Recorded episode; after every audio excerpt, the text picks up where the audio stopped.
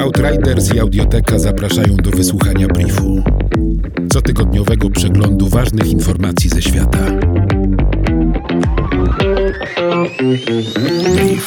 Substancje zubożające warstwę ozonową, których użycie zostało zakazane w ramach protokołu montrealskiego z 1987 roku, mogą być współodpowiedzialne za ocieplenie i utratę lodu morskiego w Arktyce w latach 1955-2005. Te syntetyczne chemikalia, freon 12 i fluoropochodne metanu i etanu były używane m.in. w sprężarkach, urządzeniach chłodniczych, lakierach i przyczyniły się do powstania dziury ozonowej nad Antarktydą. To zarazem silne gazy cieplarniane.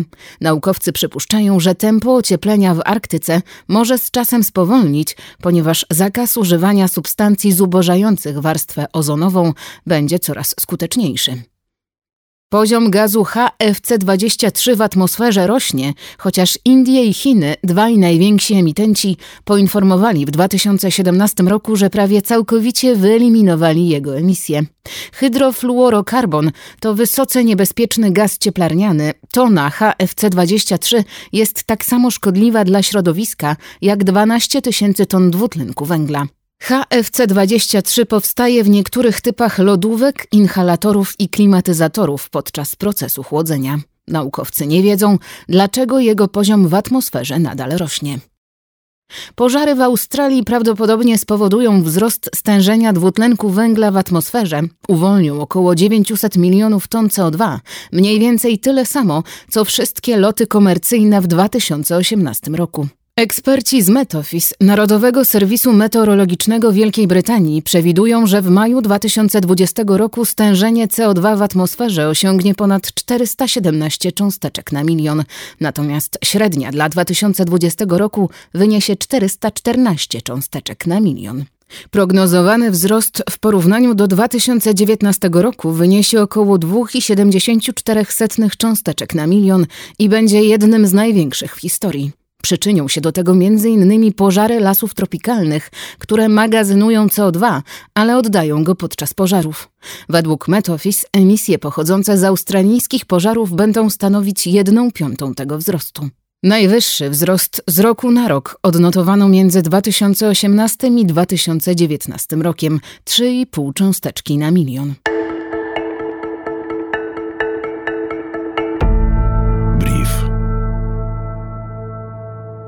Z badań Organizacji Narodów Zjednoczonych wynika, że ponad 70% światowej populacji żyje w krajach, w których pogłębiają się nierówności ekonomiczne. To poziom dotąd niespotykany.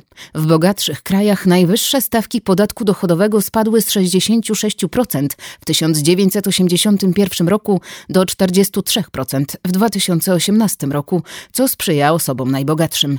Systemy podatkowe są mniej progresywne. Nierówna dystrybucja dochodów wzrosła głównie dlatego, że wzrosły same nierówności dochodowe. Luka dochodowa powiększa się w wyniku kryzysu klimatycznego.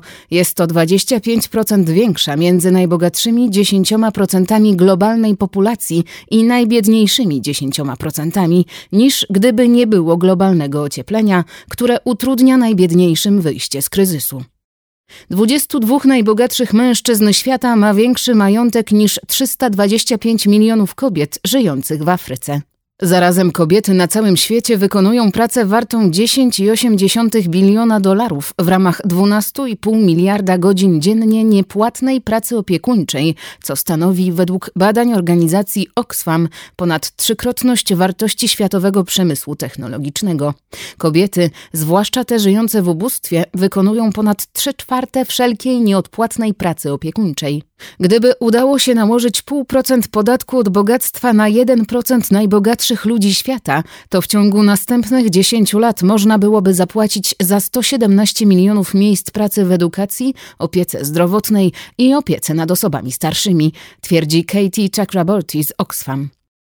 56% z 34 tysięcy osób z 28 krajów, które wzięło udział w ankiecie firmy Edelman, uważa obecny model kapitalizmu za bardziej szkodliwy niż pożyteczny.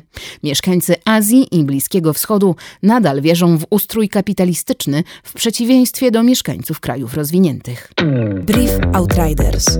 Nowe wydanie co piątek do posłuchania na lekton.audio ukośnik brief. Brief. Powtórki przez cały kolejny tydzień na Spotify i w Twojej podcastowej. Brief.